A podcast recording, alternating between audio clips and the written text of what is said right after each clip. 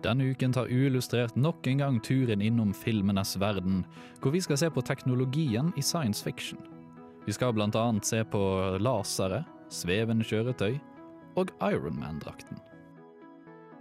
Hallo, hallo, hallo, og velkommen til denne ukas sending av Uillustrert vitenskap. Mitt navn er Andreas, og med meg i studio så har jeg Martin. Hallo. Jeg har Kristine. Hei, hei. Eh, og siden vi skal takle litt sånn filmgreier og diverse sci-fi-dingsebomser derfra, så har vi med oss en ekte filmviter. Velkommen til deg, August. Ja, god dag, god dag. Åssen eh, går det med deg? Ja, jeg vil si at det er det nokså fint om dagen. Jeg har hatt en lang og god påskeferie, og det hjelper på. Det hjelper ofte på. Eh, men det er et enda viktigere spørsmål. Mm. Har du en fun fact? Ja, skulle du tro det. Eh, visste du f.eks. at et lite sort hull har mye høyere tetthet enn et stort sort hull? Det er rart. Det er rart. Det gir ikke logisk mening. I min sånn automa den raske logisk mening i- Det er det pga. negativ masse? Eh, nei, det skyldes eh, at eh, generell relativitetsteori er kjempevanskelig og rart. Eh, Så du kan forklare det med relativitetsteorien, bare at det er vanskelig og rart. Ja, eh, jeg skal ikke begynne meg ut på det nå, men eh, det, Nei, det går bra. Det, det, altså, det, er, det, er, veldig merkelige effekter som begynner å spille inn der. Det er ofte det. Men um, poenget er i hvert fall, hvis du har lyst til å falle inn i et stort hull, så gå for et stort. For da blir det mye mindre sånn spagettifisering og kjipe ting. Okay. Ja! det, det er notert til neste gang jeg drar ut i verdensrommet. Skal jeg huske på det. Men apropos sorte hull. Kristine, det har jo skjedd noe uh, i verden. Det har skjedd noe i verden, og vi har tatt bilde for første gang av et sort hull. Eh, og eh, det ser ganske Det er sånn eh, ikke veldig grafisk å, å drive med radio, men det ser ut som eh, ganske mye som de bildene man har laget av sorte hull, som man har liksom på en måte prøvd å lage, da. Og det er ganske gøy. Det som er aller morsomst med dette, er jo at inntil for sånn to-tre år siden så hadde man ingen direkte observasjoner av sorte hull. Og nå har vi plutselig både gravitasjonsbølgeobservasjoner fra et par år tilbake, og nå også på en måte radiobølgedeteksjoner. Det er, eh, vi lever i en spennende sti- tid for astronomi, rett og slett. Nest, Ja. ne, neste steg er jo å dra inn i et stort hull. Det må vi nesten gjøre. Det er liksom sånn, Av alle ting vi ikke kommer til å klare i verdensrommet, så er kanskje det en av de tingene. Altså, hvis det er én ting jeg har lyst til å liksom lære i løpet av livet, så er det om den der snarveiteorien fungerer. At du kan hoppe fra sorte hull til andre sorte hull i verdensrommet. Problemet er bare at du kommer deg inn, men hvordan skal du komme deg ut? Det er det store spørsmålet. Det, Ja. det, det, Men, det, eh, går, det går per definisjon ikke an, nesten. Nei. Apropos eh, verdensreiser, verdensromreiser.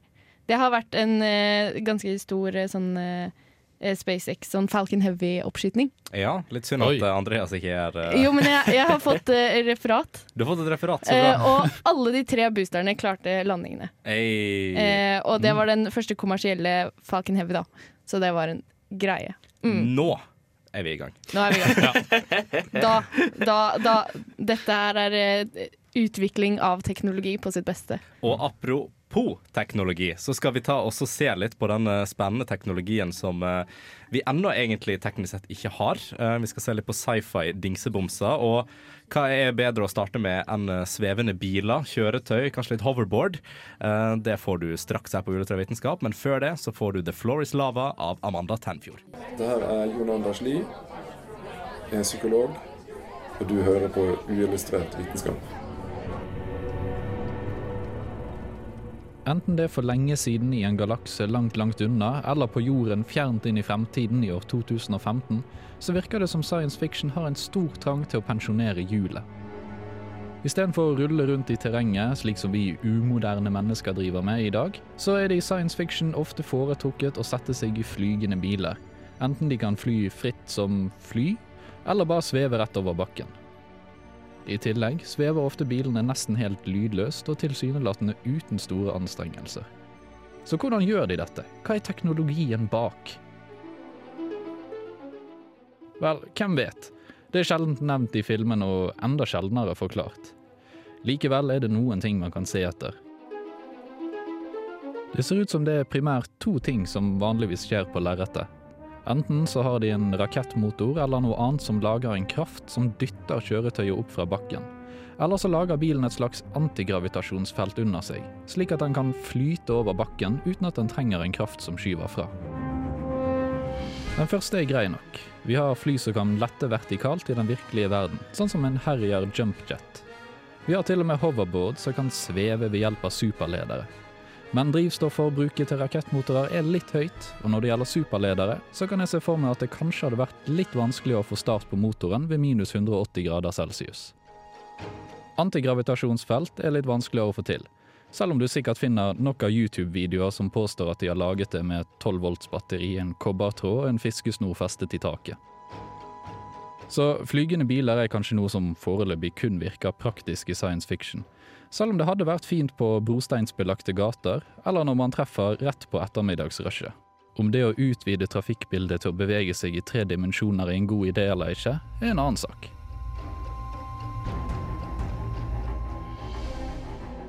Because I can tell you something, and then you just look at me and say I'm crazy. What do you think tap water is? It's a gay bomb, baby. Altså, det er det en ting du må forstå, og det er jo at vaksiner faktisk gir autisme. Myndighetene prøver bare å sprøyte oss gjennom flystripa og chemtrails. Feministene tar over verden, og det er regjeringa sin skyld. Nå er ikke jeg noen ekspert, men det her er jo åpenbart. Det er snø i mars i Trondheim, så jeg har ikke sett noe til global oppvarming. Og så må vi jo snakke om 9-11. Alt er bare en konspirasjon. Det stemmer. Alt er faktisk bare en konspirasjon her på for Yes. vitenskap. Eh, og det jeg lurer litt på, Martin, altså, har ikke du antigravitasjonsfelt liggende i garasjen? For jeg har sånn fire du kan få en hvis du vil. Nei, det var det vi ikke skulle snakke om.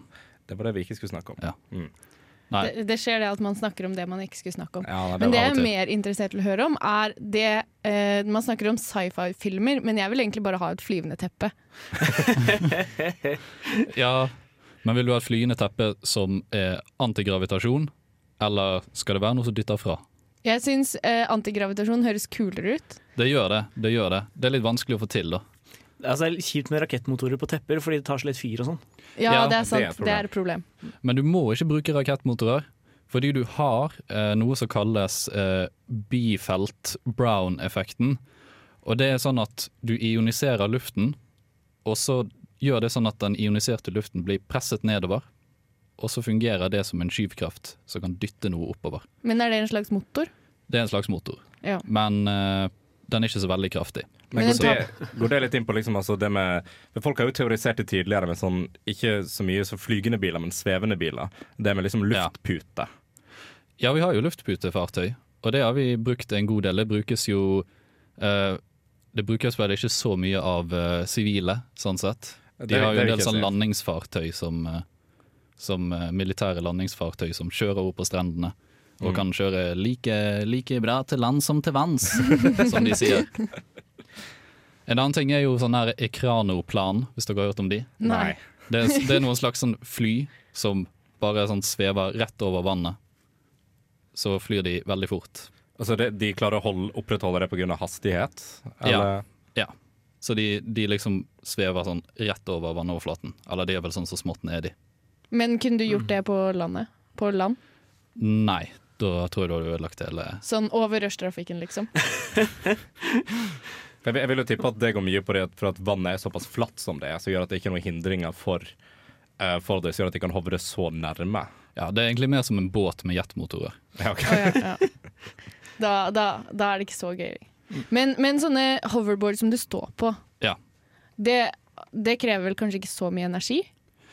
Nei, det er jo litt sånn superledere, magnetisme. Men da er det jo avhengig av eh, hvilket Du kan ikke kjøre de hvor som helst. Oh, ja. Det må jo være noe Du må noe- kjøre på en magnetplate, liksom. Ja. Å ja, men Så- hele verden er jo ikke magnetplate. Nei. Det er helt riktig, Kristine. Og i hvert fall ikke en superledende magnetplate i tillegg. Nei, det er Nei, sikkert dyrt. det, det er veldig dyrt. Ja. Så det går jo an å eh, bruke magneter med like poler, sånn at de frastøter hverandre. Men eh, det setter jo litt begrensninger på hvor du kan kjøre den hoverboarden. hoverboarden. Men de kunne godt også sette opp på samme måte som trikkspor, og bare hatt sånn en magnetspor rundt med byene. Ja, Men kan du ikke da bare kjøre buss? det er liksom Ja, men det er trikk. kjedelig. Du kan ikke Ja. kalle en buss et hoverboard, Kristine. en buss er ikke rad. Nei, det er ikke radikalt nok. Nei, Nei, men hele poenget med et hoverboard er på en måte den friheten du får. da det er jo det. Jeg vil se for meg at det er en Segway uten hjul. Ja, ja det er jo på en måte At du kan bare kjøre hvor du vil, men du kan ikke kjøre hvor du vil med den heller, kanskje. Så det er lettere å gjøre flips. Jeg vil jo si Det nærmeste vi har kommet Det er liksom å ha et hoverboard som faktisk flyr på lik måte som i filmene, er jo det dronebrettet som ble laga. Har, det er essensielt bare som en, en drone med veldig veldig store propeller, og så kan du stå i midten av den. Og den Ja. kan ta deg rundt. Å, men den er jo giga. Den er svær, ja. Ja. Men det er det nærmeste vi har. For du må jo ikke bli truffet av propellene. Nei. Så tror jeg den bråker litt òg. Jeg tror den bråker veldig. Jeg har generelt et problem med mye sånn eh, flyvende bilteknologi. Det, det, det Ja. lager lyd med en gang du skal holde en bil oppe i lufta. Ja, Kanskje derfor de ikke har gjort det ennå. Det er- Støyforurensningen er for mye, rett og slett. Jeg tror nok det er energiforbruk mer, kanskje. Ja, jeg vet ok, ikke. ja. Altså er det, jo, det er jo bare rett og slett ikke praktisk. Men det, det som er interessant med det, som ikke er så mye utforsket selv i science fiction, er på en måte hva det ville gjort med trafikkflyt. Ja. Med en gang du kunne jobba i tre dimensjoner, så har du kanskje litt mindre rushtrafikk. Jeg vet ikke. Men da har du et ingeniøres mareritt, da. Eller kanskje eh, våte drøm. Det er alt ettersom hvor glad du er i å ha mye arbeid. Men det jeg ser for meg, er at det er et logistikk... Eh, sak da, som du er nødt til Ja. å ta på en måte stilling til. Og at sånn- det er en eller annen ingeniør som må sette seg ned og bestemme regler for dette. Og, Mm. Eller et Ja. team med noen folk som er nødt til å jobbe veldig hardt. Altså Det som er typisk i sånne filmer med flygende biler, sånn som uh, The Fifth Element, Star Wars, er jo det at du følger på en måte gater opp i luften. Ja. Så det er egentlig bare det at du setter på en måte flere gater oppå hverandre. Men da er det litt sånn, hva er poenget med en flygende bil, hvis du er nødt til å holde deg til den gaten uansett? Det er sånn, Du slipper å bygge så mye veier da, kanskje. Ja, det Ja. er sant. Men, men det virker jo som liksom, altså Hvis du tar, eh, tar Futurama for eksempel, som et utgangspunkt. Ja. Der ser du jo liksom at alle bilene går jo på forskjellige sånn kryssa linjer overalt. Det virker jo som det er helt kaos. Men Ja. det er et sånn skikkelig kontrollert kaos. Uh, hvor bare Ja, ja, OK, vi Du har lov å kjøre i denne retningen, men åssen faen vet du? Hvis du liksom ikke kan se ned på veien. Altså Det er likevel rushtrafikk. Det likevel rushtrafikk. Ja. Det var, det var ikke løsningen på rushtrafikk, i hvert fall. Nei. Vi ligger jo an til å få selvkjørende biler nå ganske snart. Så man kan jo anta at det er det som er løsningen, da. Ja. Selvflygende biler. Selvflygende biler. Jeg tror det er mye større sannsynlighet for at man kan få til det med noenlunde effektivitet enn en, ja, bare mennesker som skal fly rundt. Det hadde vært helt kaos. Ja, det er for så vidt sant. Eh, men jeg tenker jo at eh, det kuleste hadde vært hvis vi hadde hatt eh, biler som, eh, som fløy på laser. Nei, det hadde ikke vært kult. Eh, det var Nei, jeg tror, tror kanskje ikke det. Nei, jeg tror kanskje ikke det, men apropos laser, så skal vi ta en tur eh, inn i Star Wars sin verden med deg, Kristine, og se hva eh, teknologi som egentlig ligger bak der, om det er mulig å ha noe sånt som fungerer i virkeligheten. Før det så skal du få lov å høre 'Undercover' av Pengutt, Pen Gutt her på Radio Revolt. Hva er den lille prikken oppe i himmelen der? Er det en fugl? Er det et fly? Å, faen! Det er meteor! På uillustrert vitenskap.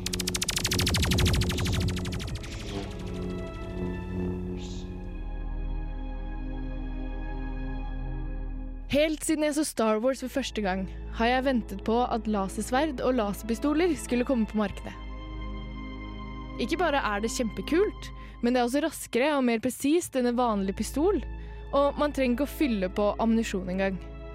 Det høres ut som den perfekte løsning.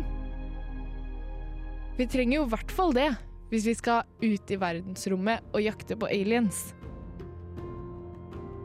Så jeg har ventet og ventet. Men dagens ville og fantastiske teknologi har kun gitt meg laserpeker til powerpoint-presentasjoner, måleinstrumenter, skjæreverktøy og hårfjerningsinstrumenter. Jeg er rett og slett skuffa. Hvorfor har det ikke kommet noe laservåpen ennå?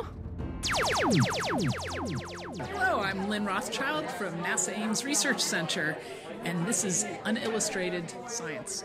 Det stemmer, du hører på uillustrert vitenskap på Radio Revolt. Eh, og det, det jeg lurer litt på, Den presisjonen du snakker om, har du sett Star Wars? Jo, men altså Det, det er en ting. Fordi eh, Star Wars de fremstiller da eh, helt krisedårlig presisjon på denne laserstrålen. Det er sånn, Du peker i en generell retning, men den treffer ikke. Og så er det sånn, tenker jeg, det er ikke realistisk. Med en sånn laserpeker eh, som du bruker til måleinstrumenter og sånn, det er veldig eh, den er jo veldig nøyaktig. Altså, du, den går akkurat der hvor du peker den. Og hvis du da skulle skutt eh, en stråle med veldig liksom, konsentrert energi på samme måte, så ville den sannsynligvis kanskje gått den veien. Eller landa akkurat der. Men så har jeg gått nærmere på det. Og så er det sånn at nei, det er kanskje ikke sikkert at det er sånn likevel. Eh, fordi at det er sånn at det, det er jo bare lys. Eller ja, eh, lysstråler. Eh, og de kan reflekteres av de ting som finnes i lufta. Og det fins ganske mye rart i lufta i vanlig luft.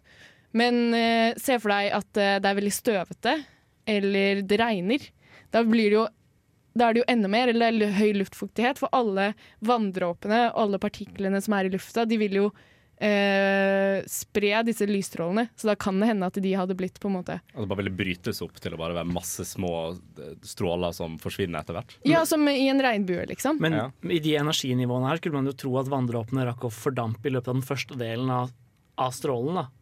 Ja.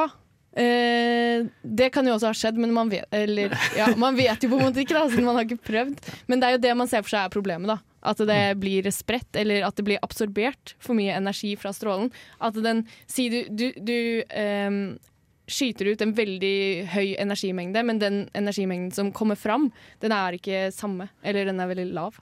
Men et kjapt Wikipedia-søk i stad fortalte meg at i hvert fall lasersverdene eh, fra skapernes side anses å være, eller i hvert fall fra, eller fra fan-communityen sin side, anses å være på en måte ansamlinger av plasma fanget av sånne magnetfelt. Og at det ikke egentlig er rent lys, da. At det er plasma. Ja, altså Da må det jo så være veldig godt fanga i det magnetfeltet, for plasma er jo veldig ustabilt. Ja, Men det gir jo mer mening enn at det faktisk er lys, for da ville det jo ikke stoppa. Nei, for det er problemet med lasersverd er at det lyset Mm. det stopper ikke, så det må være noe annet. Så det, det med plasma det er en bra løsning.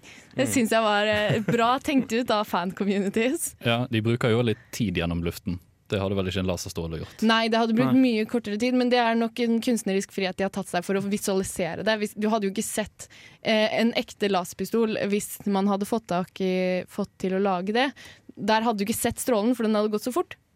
Og hvis den da hadde gått så sakte at du hadde sett den, så er det sånn, da mister du litt poenget. Du ser jo ikke en kule når noen skyter noen med en vanlig pistol. Nei. Det, det er samme, altså Hvis du har den laseren så på en måte at den blir litt igjen altså Det blir litt sånn som en, som en laserpeker, bare i større skala. At du vil sånn, peke peker den mot en vegg, og så slipper den, og så vil laseren for at du skrur av energikilden. Ja.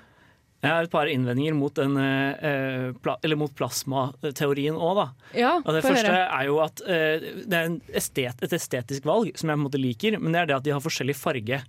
For Hvis det var plasma, så ville det jo vært oppvarmet luft, og da ville, den, da ville alle lasersverdene hatt samme farge som nordlys. Ja. Du kan argumentere for at det er forskjellig energinivå, at du noen ganger så får du sånn ekstra høye absorpsjonsspekter av et eller annet, men, men det er liksom ikke helt sannsynlig.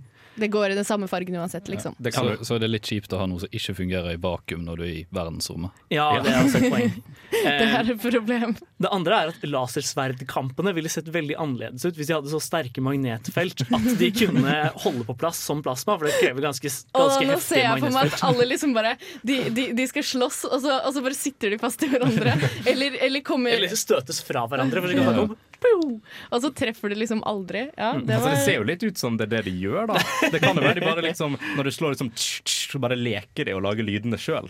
Men de Ja. treffer egentlig aldri hverandre. Nei, det er, det, det er sånn det er. Også, men hva gjør du skade på da? Altså, de kan jo kutte av hendene til hverandre, liksom. Det er for så vidt sant. Altså, jeg, tror, jeg tror et viktigere spørsmål å stille med, med, med Star Wars er jo hvordan kan du forflytte noen ved å på en måte konsentrere kraft rundt hånda di, og så rundt de for å liksom dytte de bort av sånne Jedi mind powers. Ja, nei, Det er et annet kapittel i seg selv. Men hvis vi holder oss på det laserpistol-delen, da, er at det er også egentlig ganske lett å forsvare. For hvis du har et speil, eh, så eh, så har du på en måte beskyttet deg selv, og så har du skadet motstanderen din. Mm. Men du rekker kanskje ikke å ha et speil da, eh, hvis det går så fort som det gjør. Men man har jo laservåpen i dag eh, til å blende folk. Eh, og også til å eh, eh, Jeg har ikke noe bra norsk ord, men på liksom deflekte missiler. Altså på, f- eh, dytte de bort, på en måte. da Avstøte. Ja. Eh, og at du kan sende en energiimpuls eh, som eh, dytter på ting, men ikke er nok til å sprenge ting. Eh, og dette krever da selvfølgelig Det er jo denne, dette energiproblemet, da. Igjen. At det krever så mye energi at du må ha store saker da, for å holde på energikilden. Men det, det skal jo si, altså de, de har jo teorisert og bygd, for så vidt, hvis jeg husker helt rett, bygd en form sånn type kan defineres som en laserkanon. Ja, det har de. Um, og de er jo i stand til å, altså, de er i stand til å oppnå såpass mye varme at det kan gjøre skade på folk.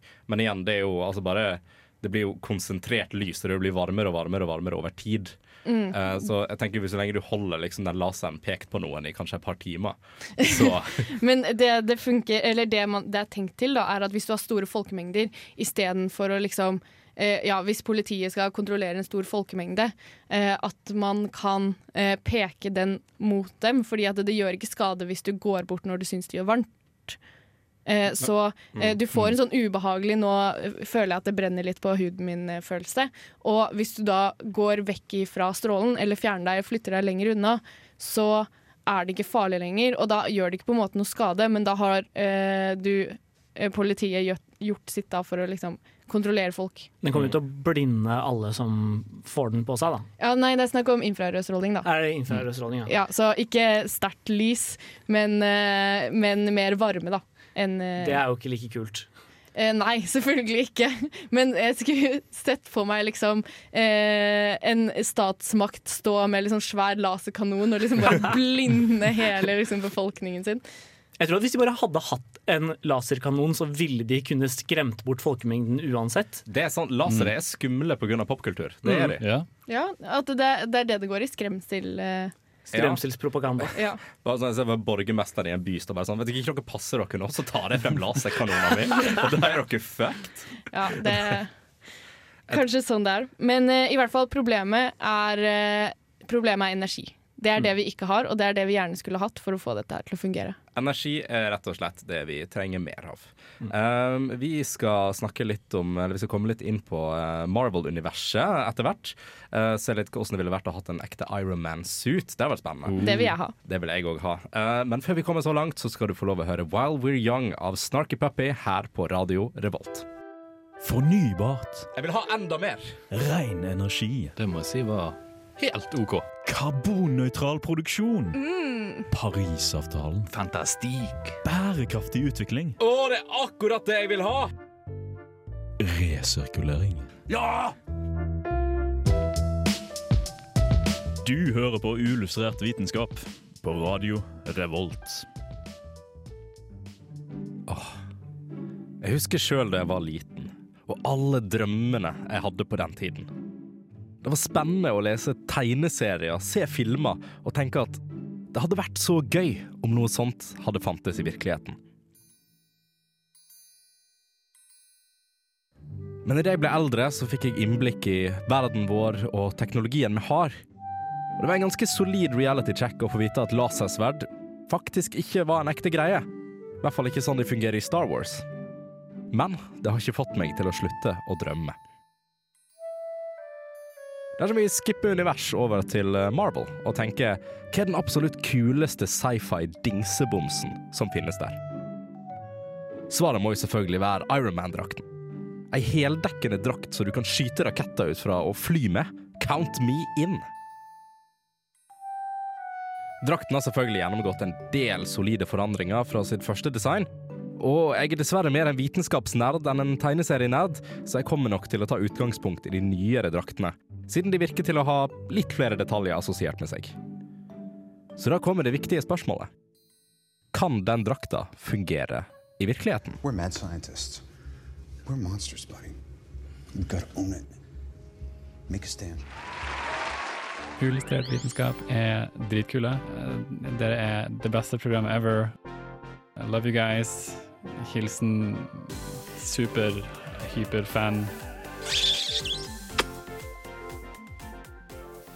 Og tusen hjertelig takk til vår super-hyper-fan. Det er alltid godt å få litt validering uh, inn i bildet. Mhm. um, men uh, Ironman-drakten, Ja. den hadde vært ganske wack. Men det første jeg tenker på, du har et solid plassproblem. Mm. Så mye ting som befinner seg der inne. Og uh, han som eh, er inni der, han er ikke så liten, liksom. Og den sitter ganske tett. Den sitter veldig tett og har tydeligvis muligheten til å forandre design i lufta veldig veldig fort. Som jeg syns er litt fascinerende. Um, det, men det skal jo sies at for å, for å beskytte drakta bitte litt, eller forsvare drakta, så er det det at vi har jo gjort utrolige fremskritt innenfor f.eks. nanoteknologi. Uh, og muligheten til å liksom ha mekanikk og teknologi på så liten skala. Ja, og jeg tror du kan ha uh, sterke Altså materialet kan nok være ganske sterkt, og det har jeg ikke noe problem med å uh, tenke meg. At du kan godt En eller annen gang i fremtiden så har vi materialer som er så sterke at de kan være tynne, men fortsatt veldig beskyttende. Jeg tror kanskje Mitt hovedproblem med Ironman-drakta sånn som helhet, er hvorfor i alle dager det skal være en mann der inne i utgangspunktet. Fordi alt blir mye vanskeligere når man skal passe på et eller annet menneske. Å ja, du kan egentlig bare ha en robot Ja, istedenfor den mannen.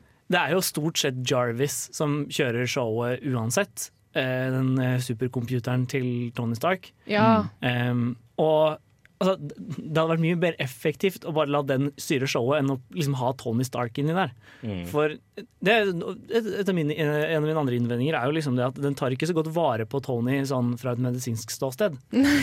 Han opplever ganske stor akselerasjon, for eksempel, ganske ofte. Jeg tror, vi møter, Ja. jeg tror vi møter på litt problemene som vi hadde når vi diskuterte filmvitenskap eh, for en tidligere episode. Eh, det med f.eks. Indiana Jones eh, når han er inne i det kjøleskapet og blir skutt gjennom lufta. um, det er for at Tony Stark i filmene reiser i en ekstremt stor hastighet. Eh, og må, hvilke traumer det ville hatt på kroppen. Det er jo sånn, Han hadde jo egentlig bare vært beinmasse når han hadde rulla ut fra den drakta etter han var ferdig. Ja, det er ikke så sunt, har jeg hørt. Nei, det er ikke så veldig sunt. Og jeg, jeg har ikke begynt å regne liksom på G-krefter og sånt han, eh, han er gjennom, men når du er en så liten ting og beveger deg gjennom lufta så fort, Mer enn anbefalt. jeg tror du oppnår ganske samme, mer G-krefter nesten enn uh, f.eks. astronauter når de skal opp i lufta. Ja. En annen ting er varme. Mm. Fordi eh, boosterne hans må jo gi fra seg ganske mye varme for å kunne løfte hele den dingsen opp i lufta. Vi har jo sett den prøve å lande på et betonggulv og bare falle rett gjennom. Den er tung. Ja. Så det skal ganske heftig varmeutvikling til for at sånne boostere skal klare å løfte han opp fra bakken. Mm. Eh, og den varmen må de flytte på på et eller annet vis, for han kan ikke komme i kontakt med noe som er liksom Så varmt. Nei. Nei, men jeg har, der har jeg troa på materialet igjen, da. Mm. At det, det kan beskytte så godt mot varmen at det går bra. Eh, for du, man har jo eh, drakter som beskytter litt mot varme, og det er litt sånn Kanskje, kanskje de klarer det òg, men det er sånn, det er ikke garantert. Jeg er mest spent på håndboosterne hans, egentlig. Ja. For de Ja, er det- det- veldig tett innpå håndflaten hans. De, de har jeg faktisk litt på. Uh, fordi det, Jeg har satt og sett litt på det. Hvordan kan han liksom få denne drakta til å lette? For En veldig ikonisk ting med den drakta er jo at han kan fly. Han kan fly og han kan liksom sveve gjennom lufta, og sånne ting men det å bare lette uh, fra den drakta med liksom altså håndboosteren eller på, på beina, er jo det at det ville krevd så mye drivstoff hvis du skulle liksom hatt det uh, som Altså at den tar av med eksplosjoner, sånn som vanlig rakett ville gjort. Det klassiske drivstoffproblemet Ja. som vi har møtt på så mange ganger i dag. Men noe av, premisset her er jo at han har en slags sånn fusjons- eller fisjonsreaktor i brystet sitt. da. oh ja, oh ja, ja, det er der all energien kommer fra. Han har latterlige mengder energi. Jeg, Men du det, kan jo ikke- det må vi liksom godta. Men hvordan skal du klare å produsere så store mengder energi i en så liten fusjonsreaktor i brystet? Jo, men altså, hvis du lager en bra nok reaktor, så går vel det. I teorien. I, I teori, altså, de er veldig store i virkeligheten, men hvis du gjør det altså, eh, Teoretisk sett så burde det kanskje vært mulig Mm. eh, å lage eh, Fordi det er jo atomer, liksom. Ja. Eh, så eh, det burde vært eh, teoretisk mulig. Men om det er praktisk mulig, det er et annet spørsmål. Det her er jo en sånn greie som er litt gjengående, for det var jo et problem med laser, laservåpen og med flygende biler. Det er jo energiproblemer. Så det er jo bare sånn, I filmer så er det bare forutsatt at man har tilgang til energien Mm. gjennom en eller annen mystisk reaktor, sånn som den i Iron Man. Jeg, jeg tror kanskje eh, hovedutfordringen med en del av den, disse teknologiene er at hvis man først hadde de energimengdene, så kunne man gjort veldig mye annet.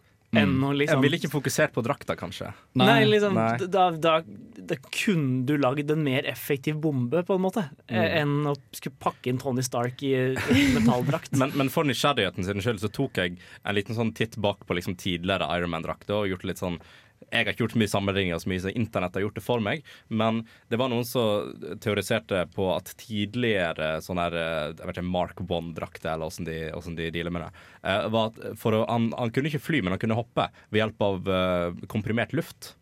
Som var litt mer fascinerende og kanskje Og litt ja, han fikk litt sånn dytt. Ja, han fikk et lite dytt, uh, og så brukte han òg uh, Pumpa han ut komprimert luft når han skulle lande, for å få en mykere landing. Å, men det hørtes faktisk eh, Det hørtes gjennomførbart ut. Det høres gjennomførbart ut. Ja. Uh, og jeg vil tippe at spesielt på vann så kan det være ganske praktisk. For det er sånn, ok, Hvis du pumper deg selv opp litt høyt og tryner, så er det i hvert fall vann der. Ja, det er sant. Men, Det var, det var en lur, lur sak. Og så bare eskalerte det etter det. ja. Ja. Men det er jo, altså, i de moderne draktene sånn, så flyr han rundt ved hjelp av ikke, fuckings laser. Da. Så, Ja, ja, det er noe greier, det.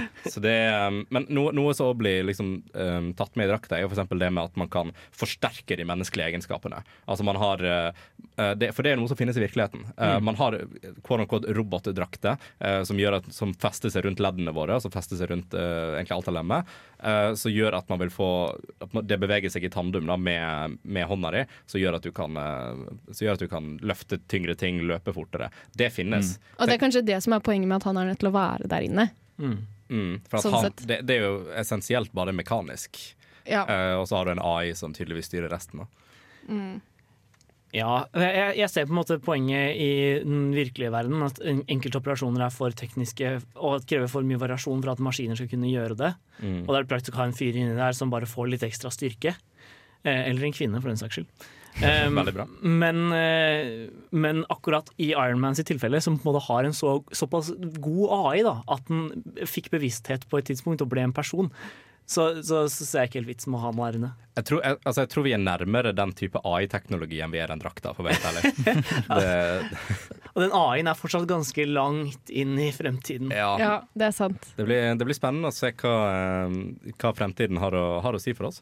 Eh, vi skal høre litt musikk før vi kommer inn på litt mer sånn løsprat om eh, gøye sci-fi er Mer sånn lavterskel, gøy sci-fi-teknologi som finnes. Og i- det med AI. Og det med AI. Det skal vi òg inn på. Før vi kommer så langt, så skal du få en låt av Svømmebasseng her på Radio Revolt. Du skal nemlig høre Aske.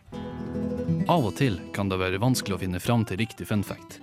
Derfor har vi samla mange funfacts på ett sted, slik at det blir lettere for deg å finne fram til riktig funfact. Funfact Fun illustrert vitenskap. Det stemmer selvfølgelig, og dette er absolutt det rette stedet å dra til hvis du vil ha fun facts. Og eh, apropos eh, fun facts AI. Det er en fun fact. AI er fun. Veldig morsomt. Apropos fun. Nei, men eh, det er uh, noe man ser uh, stadig vekk mye mer av i filmer, og at man spiller på det med at folk er litt redd for AI, um, og at uh, de tar over verden, eller, eh, eller at bare hovedkarakterer får litt hjelp. Av en AI. Men det er sånn, eh, jeg syns jeg ser det mer og mer da, i filmer som lages, at de har en naturlig del av filmen. Ja, jeg må jo eh, pitche litt mitt eh, eget program eh, her også. Filmofil hadde tidligere i vår en sending om nettopp AI på film. Da. Eh, Så alle som er interessert i det feltet, kan bare hoppe over dit og høre en, eh, høre en hel sending om det. Ganske, ganske bra greier. Når kan man Eh, høre sendingene til Filmofil? Torsdag 8 til 10 på kvelden. Eh, anbefales på det sterkeste. Veldig bra. Men eh, i hvert fall, eh, jeg har jo Jeg studerer jo statistikk selv, så jeg har, jeg har lært litt om AI med åra. Hva det egentlig skal til å, for å bygge en AI. Og det har jo vært voldsom utvikling på det feltet bare de siste årene. Man begynner å nærme seg plutselig mer sånn AI som kan gjøre fancy ting som man før trodde bare mennesker kunne gjøre. Ja, det går veldig fort. Um, det går veldig fort. Uh, men samtidig, når man ser på film, så ser man en del ting som folk ofte har misforstått litt. Et morsomt eksempel er War Games. Jeg vet ikke om dere kjenner til den filmen? Nei, Det er en, det er litt sånn dårlig med filmkunnskap i dette. det er i hvert fall en eh, 80-tallsfilm hvor Matthew Broderick sin high school-karakter klarer å få eh, en eh, Eller ja, Forsvaret har gitt en datamaskin muligheten til å fyre av atomvåpnene. Oh, ja. Så man slipper at sånne dumme mennesker ikke tør å fyre av, eh, av atomvåpen. Mm. Eh, og så klarer en high school kid å hacke det og, fordi han tror det er et dataspill, og så eh, holder ting på å gå, gå gærent. Men i, i hvert fall, den eh, filmen har jo denne, denne uh, AI-en som skal kunne styre atomvåpen i krig.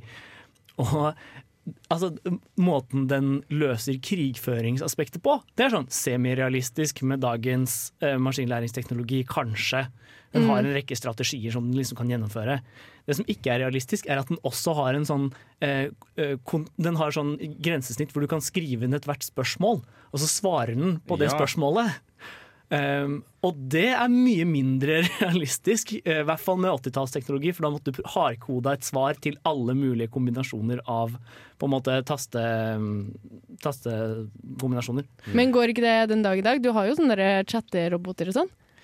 Ja, men det er veldig urealistisk at den faktisk skulle kunne klare å oppfatte det innholdet han prøvde å kommunisere. da. Å ja, at den hadde vært fokusert på krig, Ja. og ikke det den hadde tenkt på. Det er veldig eh, ulogisk at han skulle lage et så komplisert tale- eller skriftgjenkjenningssystem bare for å kunne liksom chatte casually med krigsroboten sin. Ja. Altså, måten, måten sånn chattebotter og sånt fungerer i dag, er jo som regel at de bare programmerer inn For å liksom unngå hardkode hvert eneste svar, så programmerer de bare buzzwords. Mm. Uh, og så kobler de det opp. For det er, ganske, det er litt avansert med sånn chattebotter og sånn type teknologi i dag. Uh, men de, de kobler inn liksom åssen spørsmålet er formulert.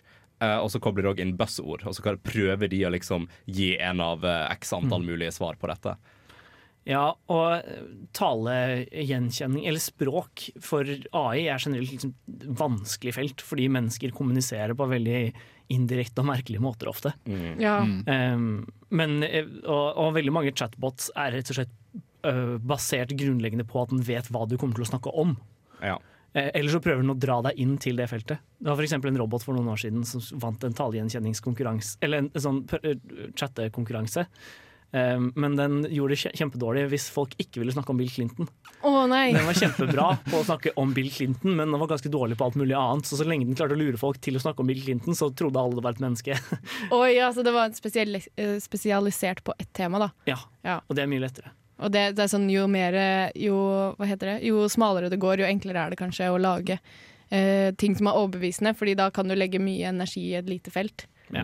Eh, sånn sett. Men når det, kom, når det kommer til liksom AI i den virkelige verden, og sånt, så har vi jo Jeg det, mener det var for et et par år tilbake siden at vi faktisk hadde en eller annen form for uh, AI eller en sånn chattebot da, som var så nærme å bestå liksom, Turing-testen. Mm. Um, og vi, vi kom jo liksom nærmere der. Jeg husker ikke om den faktisk besto. Det er jeg litt usikker på, men jeg vet at vi er mye, mye nærmere på det nå enn vi har vært tidligere. Og det har jo også vært en ting man har, har eh, lekt litt med sånne, i film. Sånne eh, roboter som ser ut som mennesker, og så består de Turing-testen, og så er de, er de mennesker, eller er de ikke mennesker, og hva skjer, og ja. Et, et veldig godt eksempel på det, etter min mening, er nettopp Eksmakena. Ja, det var den jeg Eh, mente. Filmen som kom for et par år siden med Alicia Vikander i, eh, i, i rollen som en sånn crazy robot. Eh, eller er hun crazy? Hvem vet. Men den, den er nokså realistisk i den forstand at den bare har blitt trent opp på all menneskelig kommunikasjon som finnes på internett. Ja, Um, At den bruker internett, hele internett som database, og så Ja, og så prøver den å etterligne de gestene og det språket den finner der, for å prøve å overbevise denne, denne personen om at hun er virkelig. Da. Men kunne det gått? Eller hadde den feilet? Eh, den datakraften som trengs, er eller, det, For å snakke om det datasettet du ville trengt. Du ville trengt et latterlig stort datasett med på en måte menneskelige gester for å kunne oppnå det. Ja. Eh, det, er, det er et problem. Men eh, jeg tror kanskje det største problemet er det at denne roboten viser sånn tydelig vilje til å skulle gjøre et eller annet. Og det er på en måte ikke noe datamaskiner grunnleggende har per nå. da. AI gjør stort sett det vi ber den om, og ikke så mye mer. Mm, for det er den store, eh, det er den store faren, da, det at eh, man er redd for at eh, roboten skal ha plutselig få egne meninger. Og det er jo det som lager mye handling da, i sånne historier, så det, skjønner jo det er gøy. Det er jo ofte det som gjør at liksom, AI, er- AI er skummelt. Eh, Det jeg lurer litt på med den roboten som liksom tok alt fra nettet. Er det da av et fiktivt internett, eller vårt reelle internett? For I så fall så vil jeg tro at mye av den tankeprosessen den består rett og slett av porno og memes. Det er faktisk et veldig godt poeng. Nei, eh, du har jo en fyr som på en måte har fôra han den dataen den trenger. da. Mm. Så jeg tror, det, jeg tror det hans Jeg husker ikke detaljene i filmen, hvordan det er presentert, men jeg mener å huske han hadde på en måte gitt den data fra sånn eh, videochatter og sånn. da. Ja, I større grad enn å bare fòre den hele internett. Men her har vi hele internett, det skal du deale med. Og så kommer du ut på en sånn robot som bare ligger og twitcher på bakken, for du vet ikke hva de har. Nei, den, ligger, det- det den, ligger, den, den ligger der og flosser. Den ligger, den ligger flosser på bakken. Det den gjør. Uh, men litt av den teknologien som er, jeg syns det er kult altså, ta 80-tallet, Night Rider for eksempel. Eh, det, Ja. det er det filmen heter, sant? Night Rider. Eh, Den med bilen. Den med bilen, ja. Med Hasselhoff. Ja. Ja. Ja. Jeg, jeg det, for Der har du jo den eh, interne AI-en i den bilen. Og der er jo bilen i stand til liksom Ja, den, den, er, den handler bare om den bilen. Den kan alle funksjonene til bilen, den kan aktivere alt i bilen. Uh, og den kan samtidig liksom holde ganske OK kommunikasjon med Hasselhoff sjøl. Det syns jeg er en litt sånn Det er kanskje en teknologi som er mer på randen av det realistiske. Vi har jo, altså, vi har jo selvkjørende biler. Vi har biler som stand, altså AI som er i stand til å styre innholdet i bilen. Uh, liksom Skru av og på radio. Du har jo stemmegjenkjenning ofte i bilene. Så jeg vil Mm. tro at akkurat den delen er vi ganske nærme. Det å kunne få den der eh, selvkjørende bil-AI-fantasien. Og den derre assistentfantasien. det at man kan si noe, eller du har på en måte en, en personlig assistent, da. Eh, Alexa, for eksempel. Ja, at vi kommer veldig nærme det personlige assistentsaken, eh, men kanskje ikke det at de kan bli egne personer. Sånn som, det er jo også en ting. Ja, og det, det er et dypt filosofisk spørsmål også. Hva skal egentlig til for å ha en bevissthet? Og Oi, å, ikke gå inn på det. Nei, ikke sant? Det, eh, er alt egentlig bare matte, eller, eller er vi mennesker noe mer enn det? Det, det med bevissthet er jo i grunnleggende ikke forstått ennå. Hvis vi ikke kan, Ja. Hvordan kan vi lage bevissthet? Vi forstår ikke vi vår egen. Ja, Vi forstår ikke vår egen, hvordan kan vi lage det hvis ikke vi kan det sjøl? Men, er men, men tror vi at det er mulig? Er det, det er det store spørsmålet. Altså, jeg, jeg ser på en måte ingen god grunn til at vi ikke skal kunne gjøre det. Altså, Hjernen gjør jo stort sett på en måte enkle matematiske operasjoner, den også. Det, det er helt sant. Um, vi begynner dessverre å nærme oss litt slutten av uh, denne ukas sending. Vi er ikke helt ferdige ennå. Du skal få en siste koselig farvel fra oss. Uh, før vi kommer så langt, så skal du få høre en låt. Du skal få høre I'm In Trouble av Magnus Berg her på Radio Revolt.